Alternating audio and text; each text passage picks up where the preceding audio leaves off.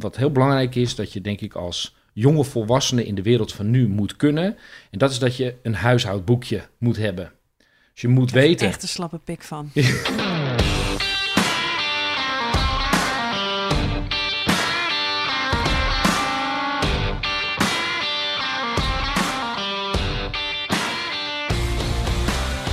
Binge-watch, studieschuld, Instagram, Tinder, ZZP, hypotheek. Van je lang zal ze leven geen hypotheek. Relatie, geen relatie, bindingsangst, verlatingsangst, keuzestress.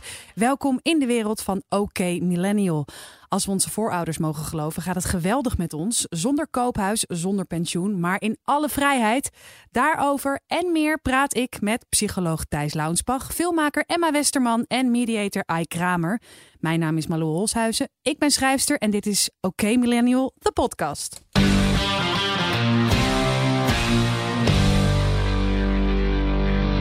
Deze week gaan we het hebben over schulden. En om maar meteen met de deur in huis te vallen, even een kort rondje. Thijs, uh, wat voor bedrag ben jij verschuldigd aan wie?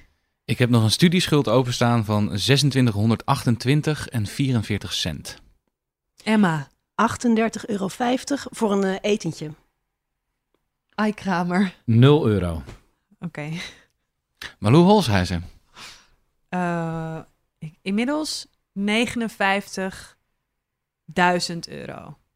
Studieschuld aan Duo. Duo krijgt dat van mij. Ike, ik kijk meteen eventjes naar jou. Jij bent nu bezig met een project wat gaat over schulden en over schulden aflossen. Ja, uh, klopt. Praat me bij alsjeblieft. Ik ben betrokken bij een project van de gemeente Haarlem. Dat heet New Future. En dat is voor uh, jongeren en jonge volwassenen die problematische schulden hebben. Die dus zoveel schulden hebben dat ze het niet kunnen afbetalen. En dus ook vaak heel veel schuldeisers hebben. wat, uh, wat doen we in dat project is de, de jongen komen, komen bij ons met een, vaak een zak vol, een vuilniszak vol met allemaal niet geopende brieven. Die blauwe, zeker. Veel blauwe brieven, maar ook van alles. Ook uh, brieven van uh, telefoonproviders en weet ik veel wat allemaal. En wat we dan doen is, we helpen ze om dat op orde te brengen. En vervolgens uh, gaat de gemeente gaat al die schulden overnemen van de jongen. Die gaat dus onderhandelen met de schuldeisers. Om dat bedrag sowieso naar beneden te krijgen. En dan een, een regeling te treffen met al die schuldeisers. Zodat vervolgens de jongeren nog maar één schuldeiser hebben. En dat is de gemeente. En daarmee wordt zeg maar de chaos wordt weer orde. Ze weten wat ze maandelijks moeten afbetalen.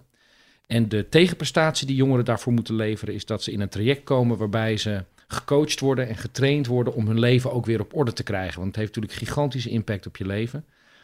En dus het is een, een combinatie van uh, schulddienstverlening mm. en coaching.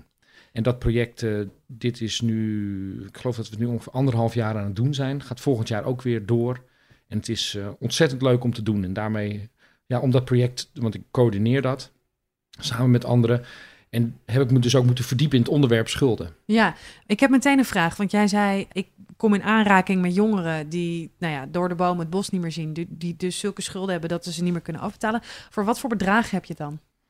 Nou, het verschilt. Het kan een paar duizend euro zijn of het kan 30.000 euro zijn. Zeg maar de helft van mij. Ja, je zou misschien wel een aanmerking komen voor het programma, dat weet ik niet. Zoiets wat voor jou? Ja, ik ben ook altijd heel bang dat familie van mij dan zo'n RTL, zo'n vreselijk RTL-programma belt om, om me dan te helpen om van mijn schulden af te komen. Maar ja, nou ja, ik, maar het is ik, geen, het ik denk dat het geen problematische schuld is, want je hebt één schuldeiser. Ja. Je moet een vast bedrag per maand uh, betalen. En ik, uh, ik hoop dat, dat, dat je dat bedrag ook per maand kunt afbetalen. Oké, okay, daar kunnen we het later even over ja. hebben. Ja, okay. um, wat ik heel graag wil weten is, heel eventjes in dit groepje, hoezo ben ik hier de enige?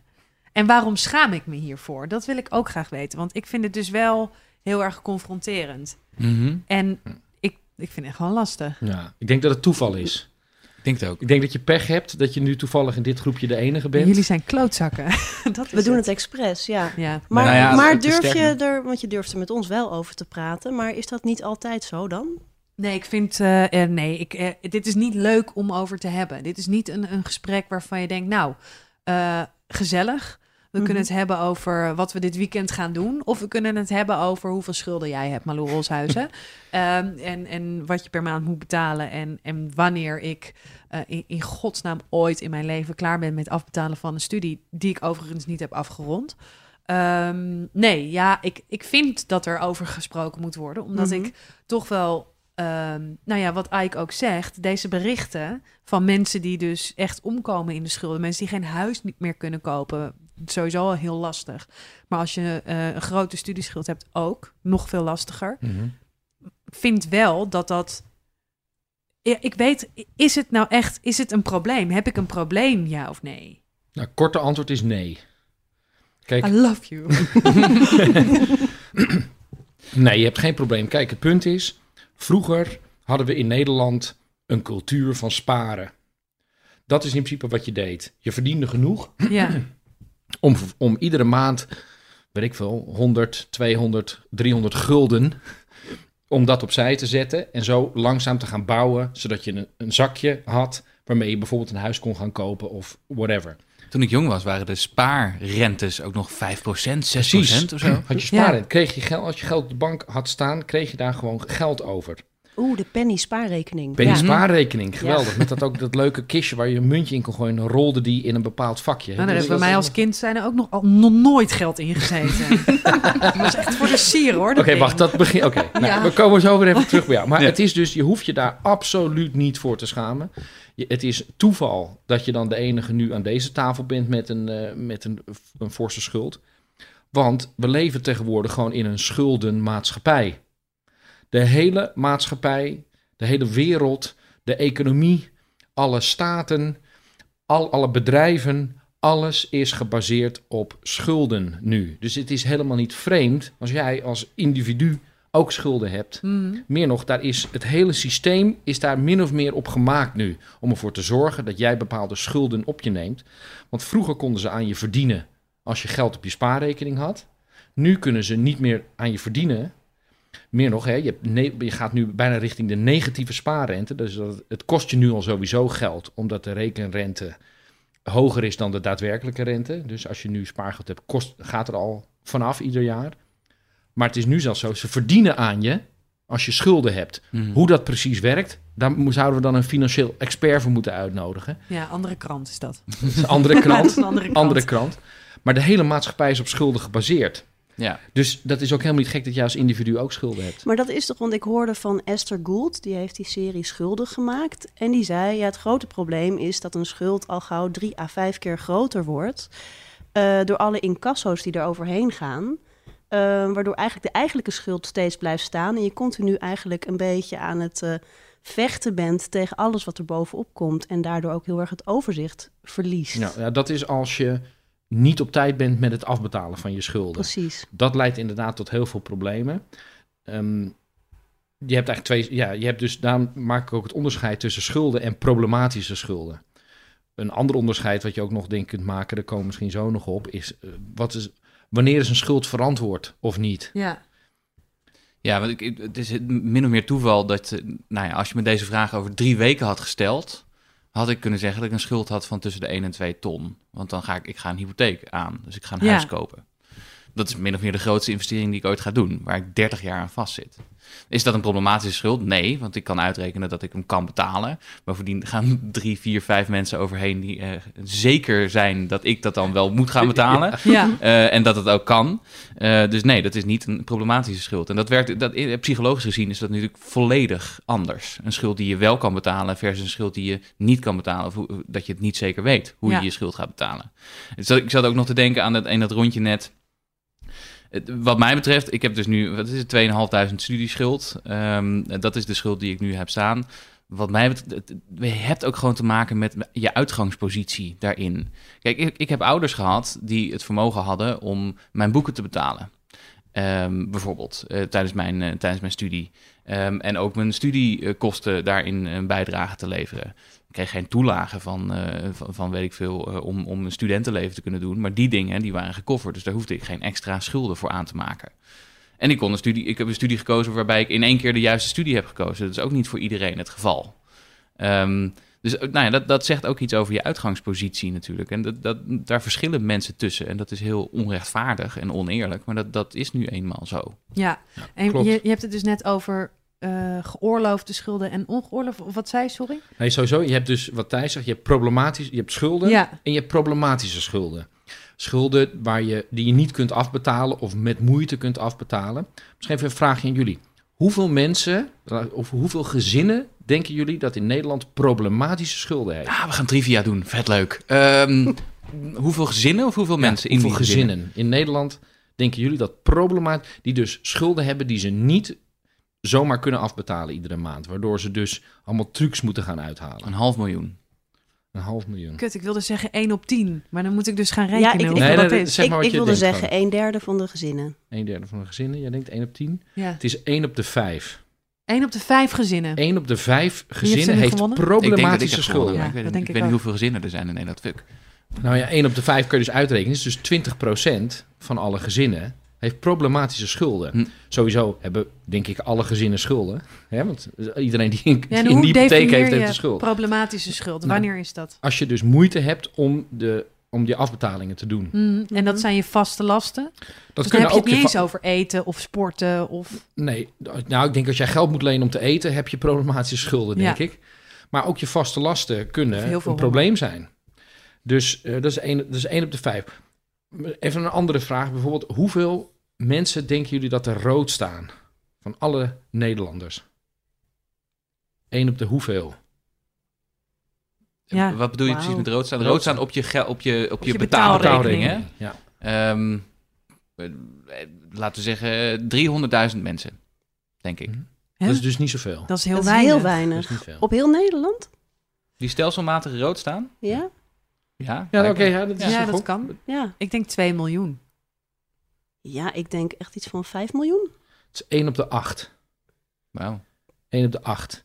Dus dat is ook best veel. Ja. Oftewel, even terug naar mijn oorspronkelijke punt is... we leven in een schuldenmaatschappij. En ik denk dat daarom voor onze generatie het heel belangrijk is... dat we financieel slim worden.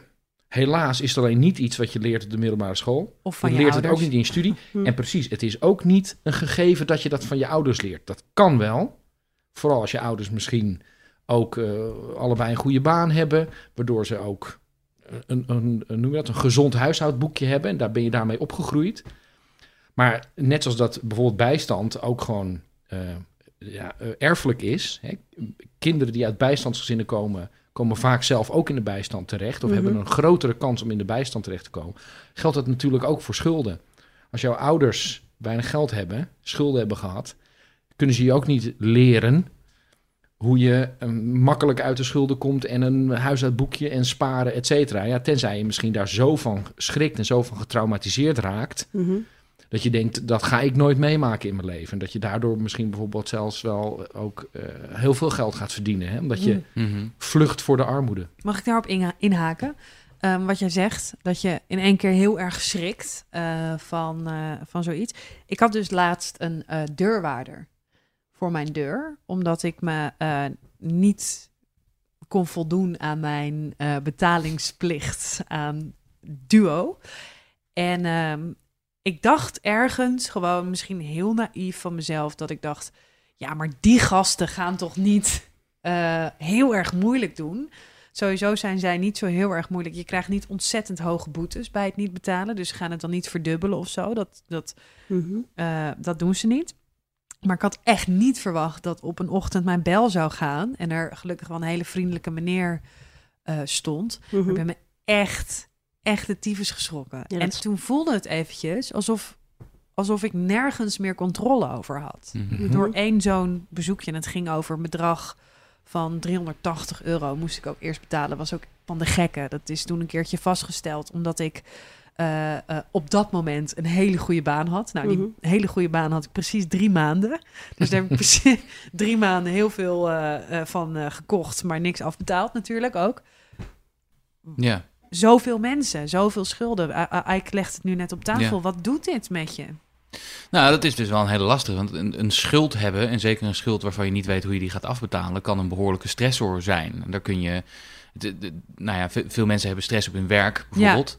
Eh, maar dit is een stressor die eigenlijk niet weggaat. Dus die Ja. blijft de hele tijd aanwezig. Ja, je gaat niet naar bed en je wordt de volgende dag rijk wakker. Nee, en zeker als het een probleem is dat je niet kunt oplossen. En je zit in de situatie dat je de ene schuld moet compenseren door ergens anders een schuld te maken. Hè, bijvoorbeeld. Dus dan, je, hebt, je hebt gezinnen inderdaad waar, waarbij de vraag is welke rekening betalen we deze maand niet. kijken waar we mee weg kunnen komen. Want dan kan ik het geld gebruiken voor een andere schuld die ik heb. Nou, dat is ontzettend eh, stressvol natuurlijk voor je. En het, het lastige is ook nog...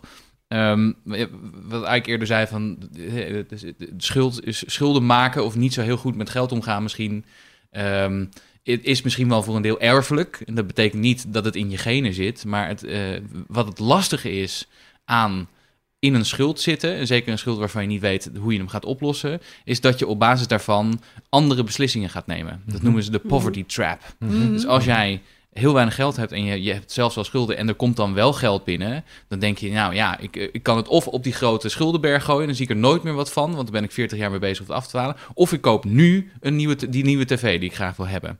Eh, hè, dus het, het doet ook nog eens iets met je, ehm, mogelijkerwijs doet het iets met je mindset en welke beslissingen je gaat nemen. Want je blijft namelijk in de alarmstand staan. Nou, wat jij zegt, het valt me altijd heel erg op dat die televisieprogramma's, eh, van, eh, voornamelijk van RTL, die, die gaan over schulden. Dan kom je bij mensen thuis en die hebben inderdaad altijd de duurste televisies, dure playstations, vaak ook eh, rashonden, van die vechthonden Mhm. of, of andere rashonden. Eh, vaak roken ze, dus vaak is er, is, is dat de verklaring daarvoor? Dat, dat je dus Ja, de paradox is dat je dus minder goede beslissingen gaat nemen over hoe je omgaat met geld en waar je je geld aan besteedt als je schulden hebt. Ja, Ehm, en dat is, dat is een heel erg lastig probleem. Dat is ook omdat je vanaf de buitenkant denkt: van, ja, ik zou zo kunnen uittekenen welke andere beslissingen jij zou moeten leven, eh, eh, maken in je leven. Nou is dat sowieso natuurlijk een hele lastige, want je kan niet over andere mensen oordelen. Mhm. Maar dat komt dus deels daarvoor, de, daardoor, omdat je dus die minder goede beslissingen gaat nemen. Mhm. Ja, ik vind het heel. Wat mij, ehm bij mij triggert is een herinnering van eh, een jaar of tien geleden. Toen ben ik eh, eh, eh, nou, eigenlijk buiten weten om in de schulden beland. Doordat ik toen een relatie had met iemand die dat heel vakkundig wist weg te houden van mij. Dat er echt vette schulden liepen. maar even Ehm. advocaat van de duivel, hoe dan? Serieus? Dat is, dat is dus echt een, een, een, een heel ander onderwerp voor een andere podcast. Maar laten we zeggen, hij was echt een serieus goede leugenaar. En, Maar ook echt fraude en, en dat soort dingen? Of... ehm, volgens mij op kleine schaal wel, ja. Maar Ja. het ging er vooral om het niet betalen van de huur, niet betalen van eh, gas, water, licht, noem maar op. En wel zeggen dat je dat hebt gedaan. En daar kwam ik gelukkig net op tijd achter. Ehm, en gelukkig had ik een huisbaas die heel coulant was, omdat hij het eh, verhaal begreep. Maar wat het deed, voordat dat allemaal, eh, voordat ik het naar buiten bracht, is inderdaad een soort verlamming. Dat je het niet durft te zeggen dat dat speelt. Hm, hoeveel, om, om wat voor bedrag ging dat? Oh, dat ging. Nou ja, om, om je een beetje een beeld te geven, we weten allemaal een beetje wat appartementprijzen zijn in een binnenstad. Ja, eurotje of 6000. Hij had een, eh, een klein jaartje niet betaald. Hé, maar hoe kan dat? Hoe, nee, niet, niet van jou, want Mhm. dat, dat zeg je net al. Want, eh, Ja. ja, dat. Huh? Oké. Maar hoe kan je een jaar ergens wonen en niet betalen? Eh, van de, de huis. Dus Ja. hij lulde zich elke maand weer een maand verder Precies. en verder en verder. Ja, en ik moet eigenlijk nog bij. En jij dacht, waarom heb ik geen telefoon meer? Ik heb, wat- nou, dat, dat betaalde ik zelf, Ja. dus dat had ik wel. Maar ik heb wel echt een paar keer bijvoorbeeld heel erg kwaad gebeld naar de klantenservice van de post, omdat alle brieven niet meer aankwamen. En eh, hij zei, ja, er is vast iets met de postbode. Dus eh, ik moet eigenlijk mijn excuses nog even aan de postbode bij deze bij aanbieden. deze. Dat, eh, dat ik dat dus bij hem legde. En dat eigenlijk alle aanmaningen werden gewoon Dus hij, weggehaald. grist, eh, hij griste de post weg. Precies. Ehm, maar hij zal ook in paniek zijn geweest. Dus hij, het zal bij hem ook iets hebben getriggerd van... Oh, ik word eh, altijd een beetje misselijk als je weer zo aardig doet.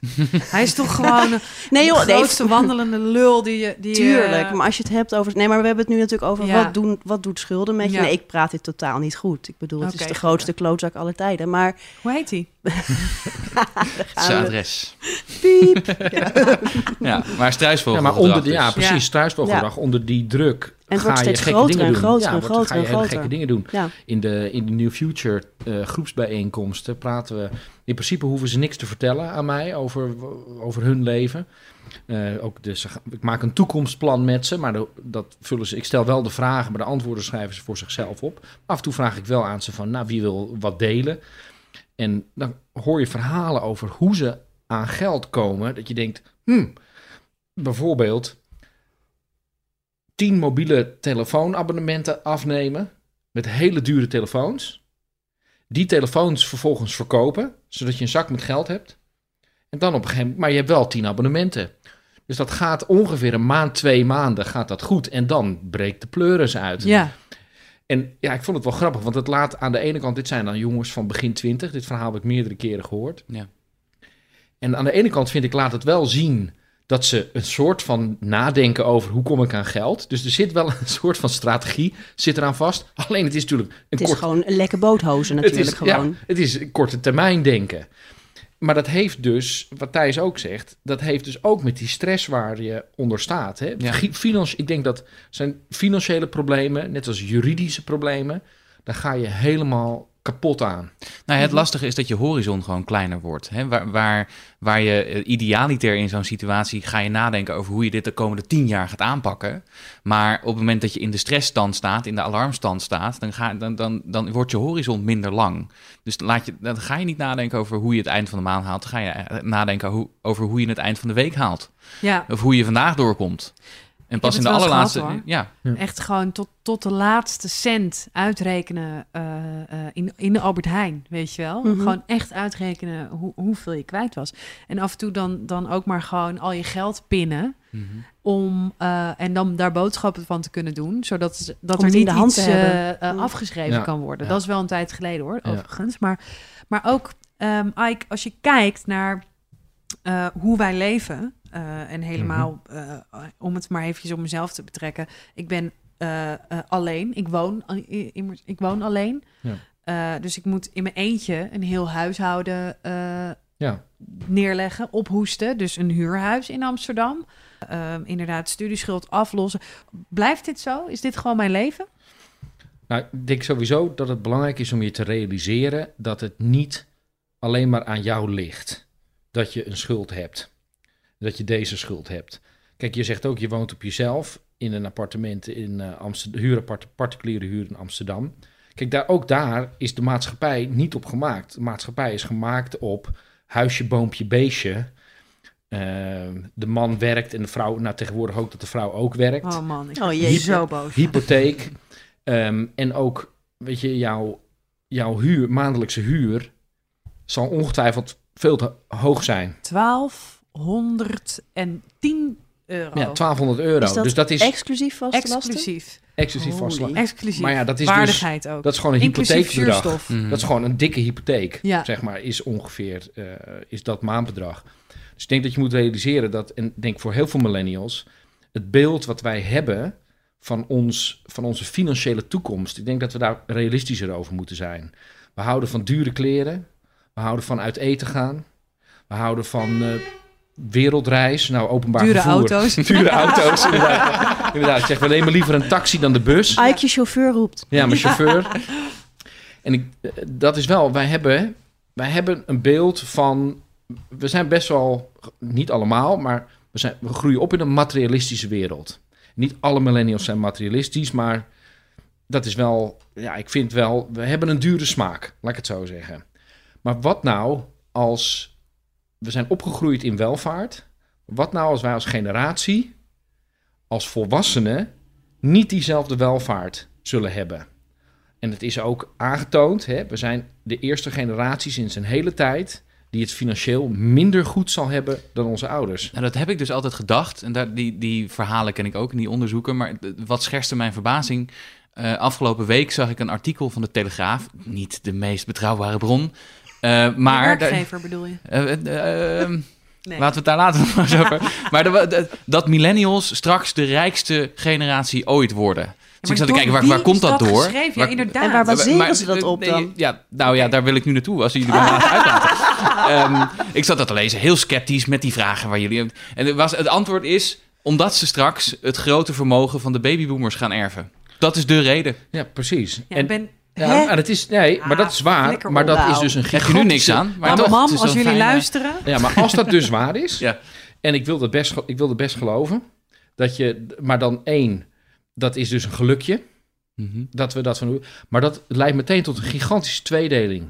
Ja. Want dat betekent dat je zo meteen, als je ouders geld hadden, heb jij ook nog een beetje geld. En als je ouders dat niet hebben, hebben ze dat niet. Oftewel, als je voor een dubbeltje geboren je wordt, word je nooit een kwartje. Maar Ja. dat is dus eigenlijk gewoon inderdaad terug in de tijd. Wij, wij hippe, tijd. hippe eh, millennials, die het allemaal beter doen en die allemaal weten hoe het moet en voor een betere wereld gaan, gaan straks gewoon eh, weer. We moeten toch nog steeds het hebben van ons zakgeld. Zou jij, ja, om dan maar eventjes, eh, ben jij dan een dubbeltje of een kwartje, Thijs? Ja, dan ben ik een kwartje, denk ik. Emma? Ja. Ja, ik ben ook wel een kwartje. Ike? Ja, ik zit er een beetje tussenin. Ik ben opgevoed door een alleenstaande werkende moeder, Ja. maar wel een echte boomer. Ja.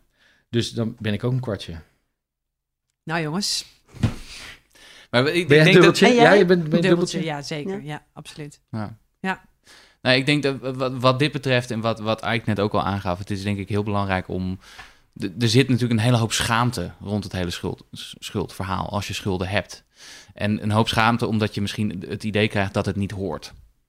Terwijl Ja. dat, Ike zei net, daar kun je je vraagtekens bij stellen, maar ook je erover schamen of boos worden om het feit dat je het niet breed hebt en dat je misschien je schuld niet kunt betalen, is natuurlijk nog, een- nou ja, dat, dat versterkt het gevoel en dat versterkt het probleem natuurlijk. En wat dat betreft is dat inzicht ook wel een goede. Het is dus een deels ook uitgangspositie. Het is deels over welke keuzes je natuurlijk hebt gemaakt, die misschien ooit wel de goede keuzes zijn geweest, maar die nu wel zorgen voor, eh, in het geval van een aantal studies hebben gedaan. Dat kan uiteindelijk over tien jaar zorgen dat je een fantastische baan hebt gevonden, maar in die tussentijd eh, zit je met die schuld, bijvoorbeeld hè, van dat aantal keer switchen. Nou, Ehm, dus eh, nou ja, wel heel belangrijk is je te blijven realiseren, realiseren dat A, het is niet je schuld. Eh, eh, eh, en B, het, het helpt niet om ook nog eens boos te worden op jezelf over hoe je dat hebt aangepakt. Ja, maar oké, ik wil best wel naar jou luisteren, Thijs. En Ike, jij, jij ook, want wat jij zegt ook, weet je, die schuld die jij hebt, dat is een studieschuld, is overzichtelijk. En je kan het inderdaad ook zien als, wat jij dan ook weer zegt, Thijs, investering en bla bla bla. Maar ik kan het wel zien als investering, maar De bank niet. de bank niet. Nee. En iedereen waarbij ik later misschien zeg van... hé, hey, ik zou hier wel een kantoor willen huren... of ik zou wel een, huis willen kopen... of ik zou wel gewoon een normaal leven willen leiden... Ehm, die zeggen gewoon, dat gaan we niet doen. Hoe, Ja. hoe, hoe Nou ja, zit... Ja, dat is wel een goede vraag. Kijk, zo, volgens mij begint het... Kijk, hoe ontstaat een schuld? Eh, even nog los van de uitgangsposities... ontstaat een schuld wanneer je meer uitgeeft... dan dat er binnenkomt. Dus sowieso denk ik wat, wat heel belangrijk is... dat je denk ik als jonge volwassene in de wereld van nu moet kunnen... en dat is dat je een huishoudboekje moet hebben. Dus je moet weten... Echt een slappe pik van. Nee, maar ik denk dat het echt Zo. een belangrijke vaardigheid is nu, die je niet, wordt gele- die, die je niet standaard leert. In ieder geval niet op school. Ik vind het echt typisch iets wat juist wel op, op middelbare scholen Ja. nog Mhm. eh, uitgelegd zou moeten worden, juist nu. Maar dus bijvoorbeeld, hoeveel komt er, hoeveel komt er? Nou, nog los van hoeveel komt er binnen iedere maand. Want ook als je een vaste baan hebt, dan kan je dat, weet je dat. Als jij een ZZP'er bent, of je bent een beetje aan het flexen, verschillende jobs, dan weet je dat niet. Hè? Kan ene maand heel goed zijn, andere maand niet. Maar wat wel denk ik heel belangrijk is dat je moet weten van jezelf, is hoeveel geef ik iedere maand uit? Wat zijn mijn vaste lasten? Wat, ehm, en daar een overzicht. En ik heb dat, ehm, ik had het altijd wel een beetje op orde, maar ik had het, eh, laatst heb ik het dus weer voor mezelf helemaal op een rijtje gezet. Hoeveel, hoeveel je iedere maand uitgeeft. En als je denk ik, daar begint het mee, daar zicht op hebben. En daar kan dus ook, bij een van die kostenposten kan, is dan ook het afbetalen van je schulden. Zolang jij dat kunt doen, weet je, je hebt dan in je studietijd, heb jij eh, misschien wat meer geld uitgegeven. Nou, we gaan ervan uit dat daar ook wel wat, eh, wat positiefs tegenover stond. Hè? Dat, je, dat het je ook vrijheid heeft gegeven in die periode. Hoop ik. Kijk Ja. even. Eh, nee, nou ja, ik, heb boodschappen kunnen doen. En ik heb heel veel stages kunnen lopen... waar je dan ook geen reet voor krijgt. Want dat is als jij Ja. in de media wil werken... Mhm. Dan zeggen ze, joh, jij wilt toch op de radio? Dan hoeven wij jou daar toch niet voor te betalen? Ja, precies. Ja, nou, maar dus dat is ook. Maar ja, dus je hebt wel. Die schuld heeft jou in staat gesteld. om een carrière te beginnen. Klopt. In een bepaalde sector. die best wel moeilijk is. Weet je, dat is moeilijk om binnen te komen. moeilijk om daar een loopbaan in te creëren. Dus ja, dat zou. In die zin is ook die studieschuld. vind ik. die kun je echt wel zien ook als een investering. Ja, ik heb wel overal ja op kunnen zeggen. Ja. En ik had ook vaak de mazzel dan dat je dan, omdat je zoveel werkte, dat je dan daar wel te eten kreeg. Nee. Het is heel lastig. Als jij, eh, kijk, ik heb altijd alles zelf moeten betalen. Eh, vanaf dat ik. Nou, deze nieuwe iPhone eh, hoop ik dat jullie mij hiermee kunnen helpen. Op afbetaling. ja, die is nog niet eens afbetaald en al helemaal kapot. Nee, kijk, ik ging naar. eh, eh, het- is ook welke studieweg je af. Ik ben naar het MBO gegaan, daarna naar het HBO, daarna nog HBO, dan nog Masters, weet ik veel wat. Maar als je altijd alles zelf hebt moeten betalen en ook al op jezelf woont, een studie en een woning is gewoon echt niet te doen. Nee. Het kan Nee. gewoon niet. En daar zit natuurlijk daar zit wel een lastige crux. Hè? Want eh, je schuld kunnen betalen over 30 jaar, dat is, natuurlijk, dat is één ding. ja. Maar als het, je, eh, als het problemen oplevert op wat je nu zou willen doen, bijvoorbeeld een huis kopen, dan ben je echt fucked. En wat dat betreft denk ik dat, dat, we, dat er is gewoon iets vrij simpels wat je zou kunnen doen om de schuldenlast hiervan te verminderen. En dat is dat je, dat je als regel... inst- Drugshandel. Drugshandel, ja.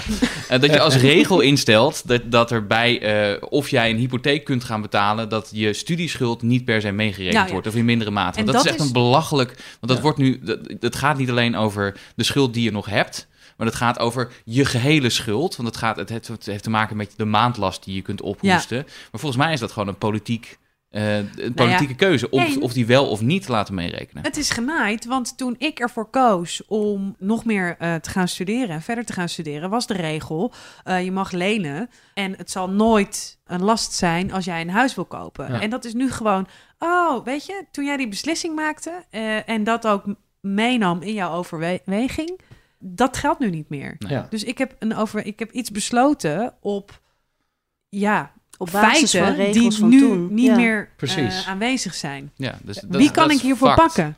Nou ja, kijk, ik denk qua, qua politiek is natuurlijk sowieso het feit dat ze de studiefinanciering hebben afgeschaft en de studielening hebben geïntroduceerd, vind ik sowieso echt belachelijk. Ja. is absurd. En dan vragen ze zich af, vragen zich af waarom zoveel studenten met stressklachten uitvallen. Ja, de, weet je, die druk wordt alleen maar groter natuurlijk, die prestatiedruk.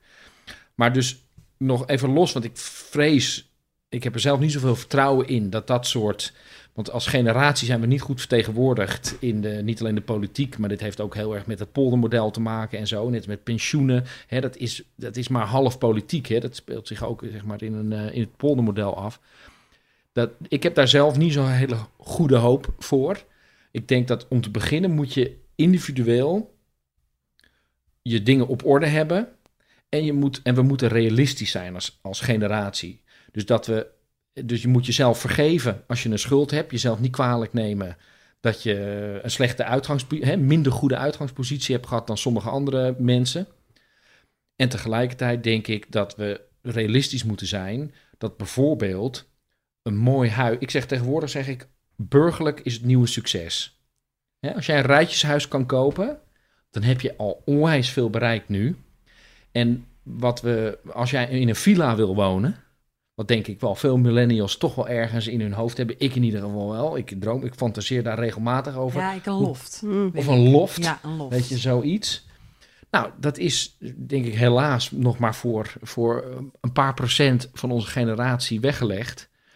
En ja, dat, misschien moeten we dat gewoon accepteren. Weet je, als Maar huizenprijzen... Hoe zit het Ja, dan met mijn zijn. champagne en mijn zeilboot? Nee, maar luister, ik word wel That's- altijd... that's not gonna happen. We promised jetpacks. Echt, Nou, een Uber. Je doet een, U- wij doen een Uber-zeilboot. Weet je, dus als wij naar een zeilboot willen, dan kunnen we, kunnen we gewoon voor een weekendje weet Ja, je, dat regelen. Maar, maar- je gaat niet zo'n ding kopen. Maar je zegt eigenlijk ook een bij neerleggen. Gewoon, not zo is het gewoon. nee, Ja, maar ik vind het ook een beetje onge- omgekeerde wereld. Ook over ehm, wat ik dan vaak hoor is...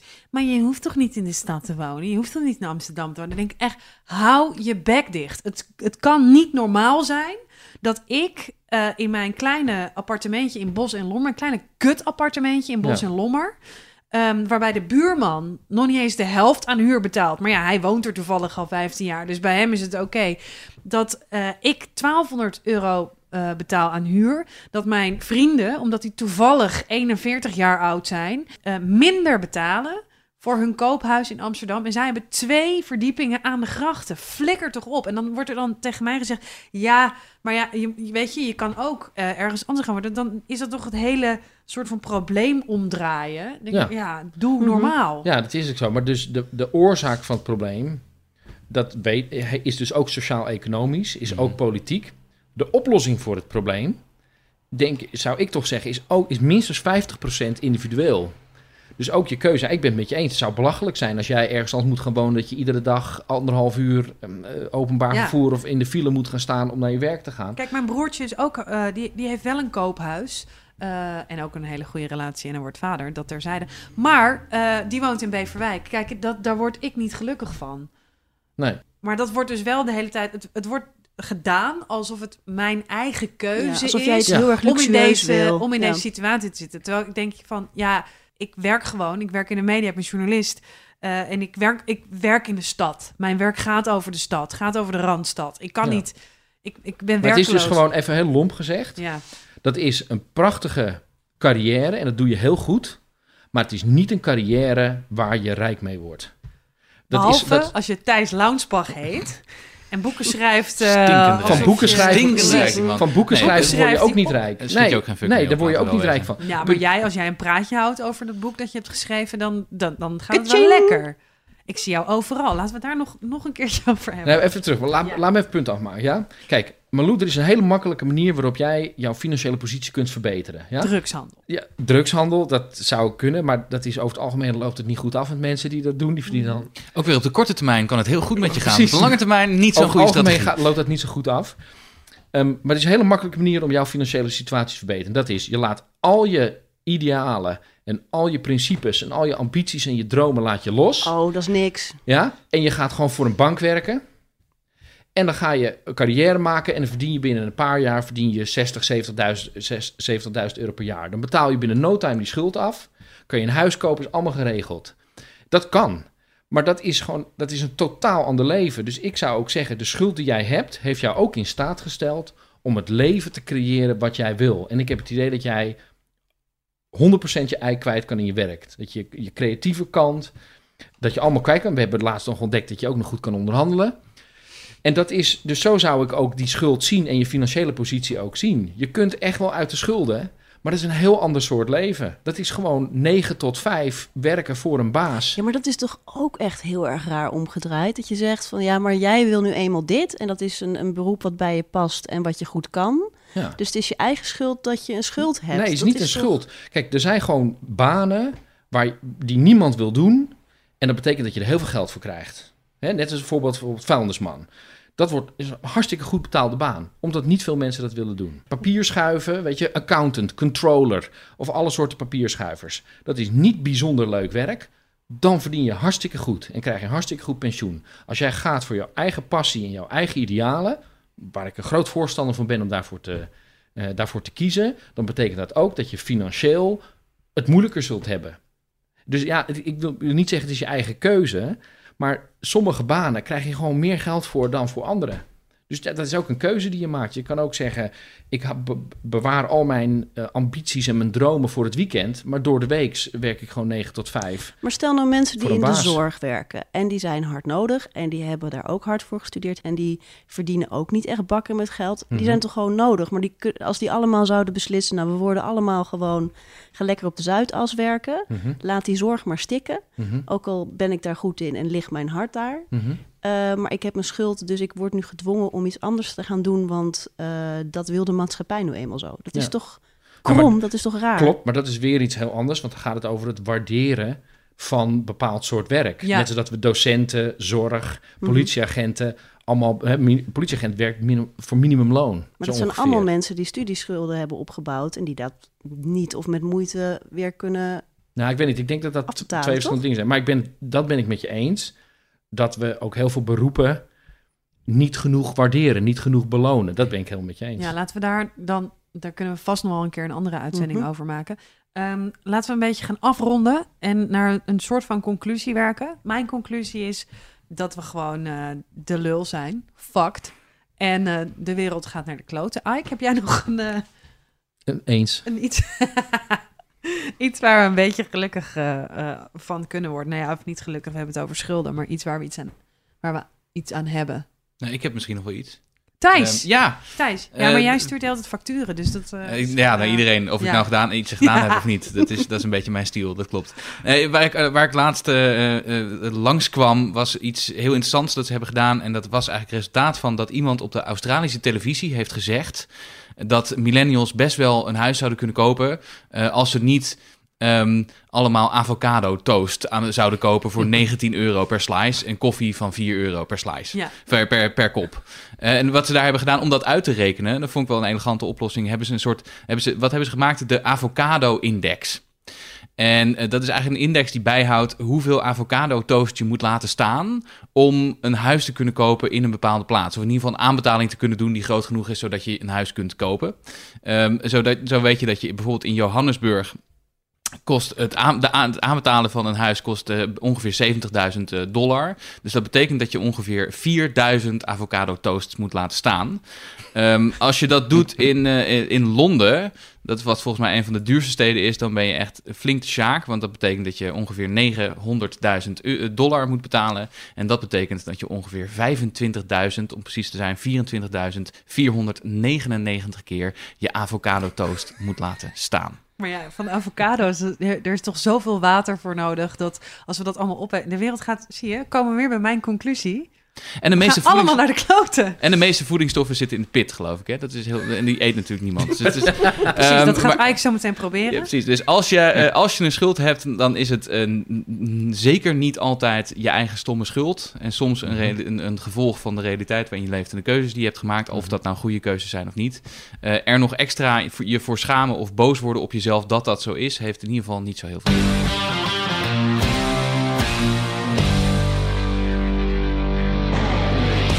Je luisterde naar OK Millennial, de podcast van Het Parool. Post, vragen en opmerkingen, die mogen naar okmillennial.parool.nl. Abonneer je op onze podcast, want dan download je hem vanzelf en dan hoef je daar in ieder geval niet meer over na te denken.